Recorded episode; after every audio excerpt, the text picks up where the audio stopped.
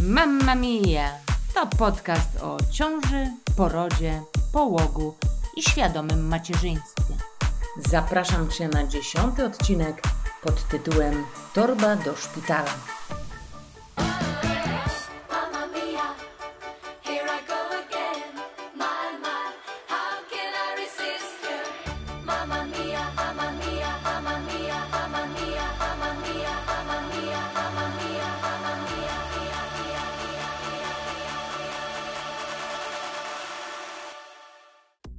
Pakowanie się. Jedni tego nie znoszą, inni uwielbiają. I zapytacie pewnie, kto to może lubić? Otóż na przykład ja. Jako zapalona backpackerka kojarzę pakowanie, e, wiecie, z ekscytacją podróży. E, a wyjeżdżałam do tej pory często, daleko i na długo. Powiecie, no to game over.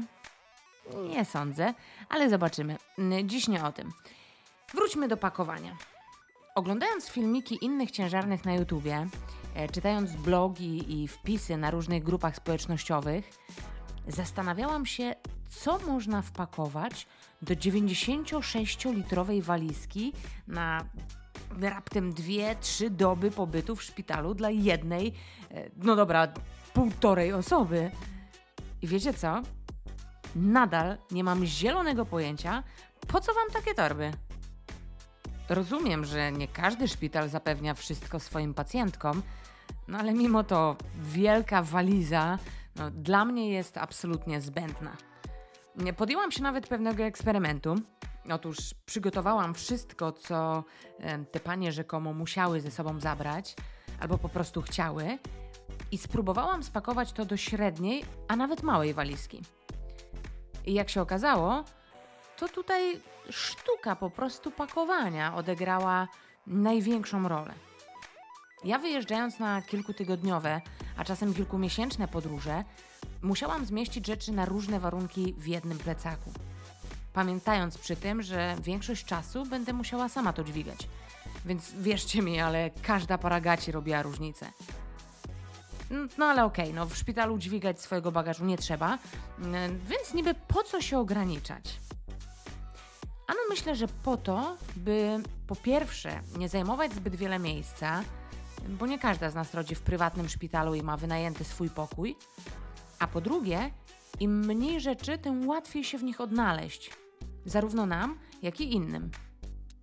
No i tutaj możecie zapytać, jakim innym? No, na przykład Twojemu partnerowi, czy mamie, przyjaciółce, położnej, tym osobom, które będą Ci pomagać w pierwszych chwilach po porodzie. Bo możesz być no, mniej sprawna albo po prostu ograniczona ruchowo w konsekwencji cesarskiego cięcia. Zatem, co zrobić, by ułatwić wszystkim buszowanie w Twojej torbie? W pierwszej kolejności przygotuj sobie listę rzeczy niezbędnych. Warto zacząć tutaj od gotowej listy, którą znajdziesz na stronie swojego szpitala albo w gablocie informacyjnej Izby Przyjęć. Poczytajcie na grupach, co polecają inne dziewczyny i jeszcze dodatkowo zabrać do tego konkretnego szpitala, w którym będziecie rodzić. Bo czasem zdarza się tak, że na przykład mm, szpital nie umieszcza na swojej liście pieluch dla maluszka, a później okazuje się, że położne wcale nie są skore do ich wydawania i musicie się prosić. Albo w drugą stronę. Zajmiecie sobie pół torby podkładami poporodowymi, no okaże się, że w szpitalu jest ich cała szafa dostępna dla każdej pacjentki bez ograniczeń. Czyli pobierasz listę, aktualizujesz ją e, dzięki opiniom innych kobiet i zaczynasz kompletowanie. Żeby ustrzec się przed przeszukiwaniem walizki w poszukiwaniu jakiejkolwiek rzeczy i w konsekwencji narobienie bałaganu już następnego dnia, to najpotrzebniejsze rzeczy spakuj na wierzch.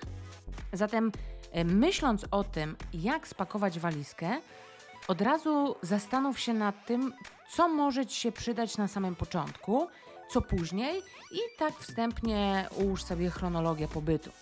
Na przykład wiadomo, że po przyjęciu na izbę zostaniesz poproszona o przebranie się w piżamę i zmianę obuwia. Jeśli będziesz szła tego dnia do cesarki, to dostaniesz ju- już od razu koszulę szpitalną. Więc warto mieć na wierzchu jakiś szlafroczek czy sweterek, bluzę, którą po prostu narzucimy na siebie w drodze na oddział. Jeśli ktoś cię zawozi do szpitala, to wpakuj buty, kurtkę i te ciuchy, w których przyszłaś, do reklamówki i oddaj jej bliskiej osobie. Przywiezie ci je na wyjście, mm, bo w szpitalu i tak to się nie przyda. Oczywiście możesz to oddać do depozytu szpitalnego, ale szczerze mówiąc nie wiem, czy, czy każda placówka coś takiego prowadzi. Warto też zaopatrzyć się w worek na brudy, bo wiadomo, jeśli brudne ubrania e, zmieszasz z czystymi, no to te już czyste, a przynajmniej świeże nie będą. Poza tym warto też dbać o czystość wnętrza samej walizki, bo, bo jej przecież nie pierzemy mm, co wyjazd, prawda? A jeśli szykuje ci się dłuższy pobyt w szpitalu, to weź kilka worków e, na brudy i sukcesywnie po prostu oddawaj je bliskim. Bo nie ma potrzeby zbierać ich w torbie, a przecież nie będziesz robić przepiórki w szpitalu. Na czyste rzeczy fajnie sprawdzają się takie materiałowe organizery. E, Nie każdy je lubi, więc przetestuj sobie ten system pakowania wcześniej. Ja osobiście jestem ich absolutną fanką. Posegregowanie rzeczy pozwala mi znaleźć niemal wszystko po omacku. Co w wieloosobowych pokojach, czy to schronisk, czy właśnie szpitala, jest miłą umiejętnością, bo z szacunkiem do współtowarzyszy nie musisz rozpalać światła w środku nocy. A będąc już w tym temacie, mm, to starajcie się dziewczyny w takich przypadkach używać małej lampki albo latarki z telefonu, pamiętając, że nie jesteście tam same. Ale dobra, wróćmy do rzeczy. Świetnym patentem jest rolowanie ubrań i ręczników, bo tak zajmują mniej miejsca, mogą wejść w wolne przestrzenie, jak na przykład między rurki w walizce, no i są mniej wygniecione niż po klasycznej kostce. Prawda jest taka, że ty za wiele ciuchów nie potrzebujesz. E, W tym, co przyszłaś do szpitala, mm, możesz to oddać razem z butami i kurtką, a te, które ubierzesz na wyjście, to bliska osoba może ci przywieźć razem z rzeczami na wyjście dla maluszka i z fotelikiem. Zatem na oddziale twój codzienny dress code to po prostu koszula nocna z łatwym dojściem do piersi, e, co ułatwi ci karmienie. Nawet szlafrok będzie często zbędny, e, bo na porodówkach są zazwyczaj takie temperatury i do tego często pozamykane okna, że ciężko ci będzie wyrobić nawet w tej koszuli. Więc dobrze mieć na każdy dzień nową, by choć trochę czuć się świeżo. Do tego dwa ręczniki, najlepiej takie sprane w ciemnych kolorach, które jak się wybrudzą tym wszystkim, co z ciebie będzie wyciekać, to nie będzie to tak widoczne, e, no i po pobycie w szpitalu nie będzie ci żal ich wyrzucić. Bielizna, oczywiście poporodowa, siateczkowa, taka, która umożliwia ci wietrzenie krocza i blizny. E, Dwa, trzy biustonosze do karmienia oraz wkładki laktacyjne czy też muszle do piersi, jeśli takowe posiadasz. Do tego bonusowo para ciepłych skarpetek może się przydać na poporodowe dreszcze, ale też nie każdej. E, Ja jestem po prostu miłośniczką skarpetek i mogę spać nago, ale stópki uwielbiam mieć otulone. Więc co kto lubi? Obowiązkowo jednak na nogi musisz mieć klapki pod prysznic i na większości gotowych list znajdziesz jeszcze kapcie. Ale moim zdaniem wystarczą zwykłe klapki do pełnienia funkcji dwa w jednym. No i na wierzch oczywiście kosmetyki. Słuchajcie, ja jestem przyzwyczajona do pakowania małych buteleczek w taką przezroczystą kosmetyczkę, bo jest ona szalenie praktyczna. Mm, Przechodzi na lotnisku, jest wodoodporna, y, no i można zabrać ją pod prysznic, a do tego widać dokładnie co gdzie jest. A to w szpitalu ułatwi sprawę zarówno tobie, jak i osobie, która będzie ci pomagać szczególnie przy pierwszym e, prysznicu po porodzie. Z takich moich dodatkowych tipów, to jeśli w Twoim szpitalu łazienki są na korytarzu albo dzielisz e, ją z innymi pacjentkami z sali, to warto mieć malutki żel lub płyn do dezynfekcji deski toaletowej, nakładki jednorazowe, takie, mm, wiecie, papierowe na sedes. E, Są one dostępne dosłownie za 3-4 zł w drogeriach na działach z kosmetykami do podróży. I wygodnie jest wrzucić to wszystko do reklamówki albo materiałowej torby na zakupy, czy plecaczka typu worek, tak by łatwo wziąć wszystko za jednym razem ze sobą, a nie, że w jednej ręce kosmetyczka, w drugiej e, żel do dezynfekcji, w trzeciej miękki papier, ręcznik, mm, e, do tego ręcznik papierowy do osuszania. To tak logistycznie nie? może nam ułatwić funkcjonowanie na oddziale. Dodatkowo mała rzecz, a cieszy, czyli piłeczka do masażu i ewentualnie olejek. Podczas porodu siłami natury ten maleńki gadżet może znieść, a przynajmniej zmniejszyć napięcia i bóle mięśniowe. Może z niego korzystać osoba, która ci towarzyszy, albo też sama korzystając z łóżka, podłogi czy ściany, możesz przynieść sobie ulgę. Natomiast po cesarskim cięciu masaż kończyn dolnych, poprawiający krążenie, przyspiesza naszą pionizację, a co za tym idzie, szybszą aktywizację i powrót do sprawności. No i na koniec, jeśli planujesz używać laktatora, to warto go mieć już ze sobą w szpitalu. Oczywiście na miejscu masz możliwość wypożyczenia, ale no z różnych względów wygodniej i przyjemniej jest mieć swój. Cichy, poręczny, używany tylko przez nas. Może on Ci pomóc zarówno pobudzić laktację, jak i ulży przy nawale pokarmu. A jeśli nie chcesz na początku karmić swojego maleństwa butelką, to pamiętaj, że możesz swoje mleko oddać potrzebującym wcześniakom. Zapytaj o taką możliwość w swoim szpitalu, bo nawet jeśli mm, oni nie prowadzą swojego banku mleka, to będą mogli się skontaktować z taką placówką i transport medyczny przyjeżdża, słuchajcie, naprawdę nawet po kilkadziesiąt mililitrów. A jak już jesteśmy przy jedzeniu, e, to większość szpitali o tym nie pisze, a optują, by pacjentki miały własne sztućce i kubek. Ja preferuję taki termiczny, w którym można sobie zaparzyć herbatkę czy ziółka i będą one dłużej ciepłe. Do tego butelka z filtrem wody sprawdza się super, bo po prostu nie trzeba magazynować zgrzewki wody przy łóżku. No jak wiadomo, pić musimy i to sporo, zarówno w ciąży, jak i e, po porodzie.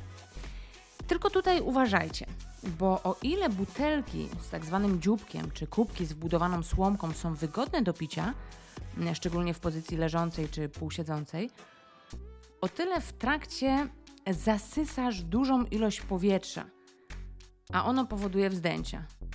No i często o tym nie słyszymy, bo niby krępujący temat, niezręcznie o tym mówić. No cóż, jeśli potrafimy opowiadać o hemoroidach, wydzielinach z różnych otworów naszego ciała, nacięciach czy pękających kroczach, to co jest innego w gazach? Fizjologia i tyle. Wiedz, że będziesz się z nimi zmagać. Po porodzie zarówno siłami natury, jak i po cesarskim cięciu układ pokarmowy pracuje wolniej. Ale bakterie gromadzą się w normalnym tempie w przewodzie pokarmowym, więc chcąc nie chcąc produkują gazy. Zresztą w czasie ciąży pewnie nie raz się z tym zmagałaś. Poza tym nasz organizm jest odwodniony, zmęczony, jesteśmy w statycznych pozycjach, a to wszystko sprzyja problemom z wypróżnianiem.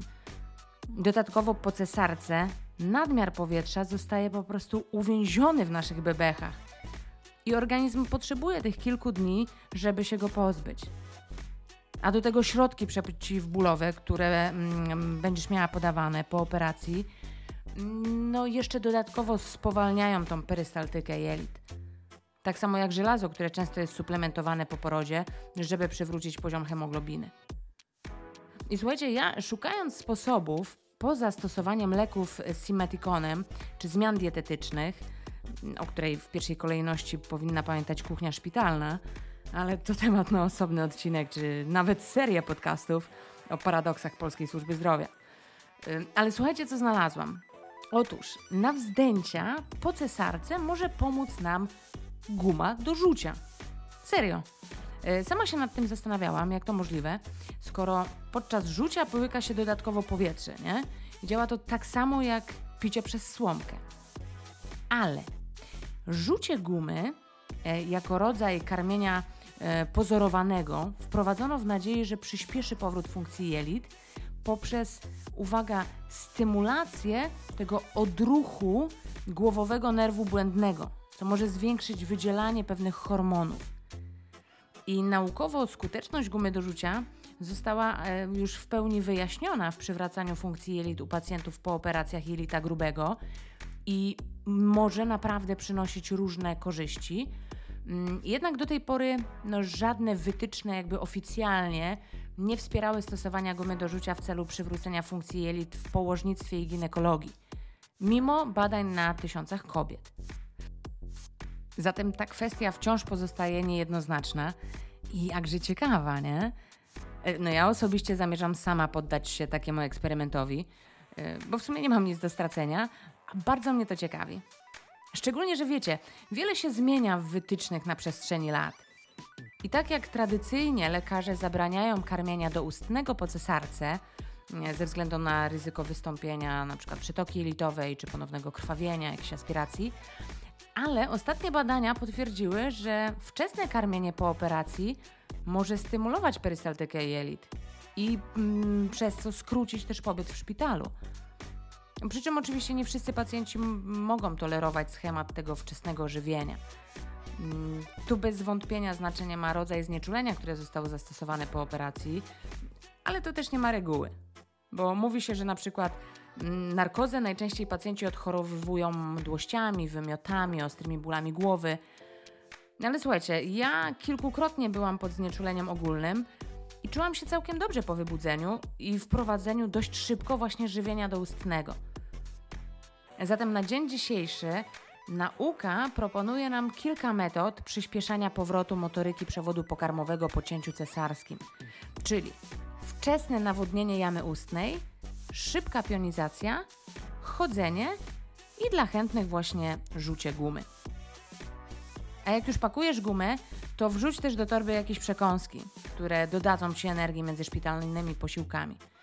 Tylko pamiętaj, żeby oczywiście były one lekkostrawne.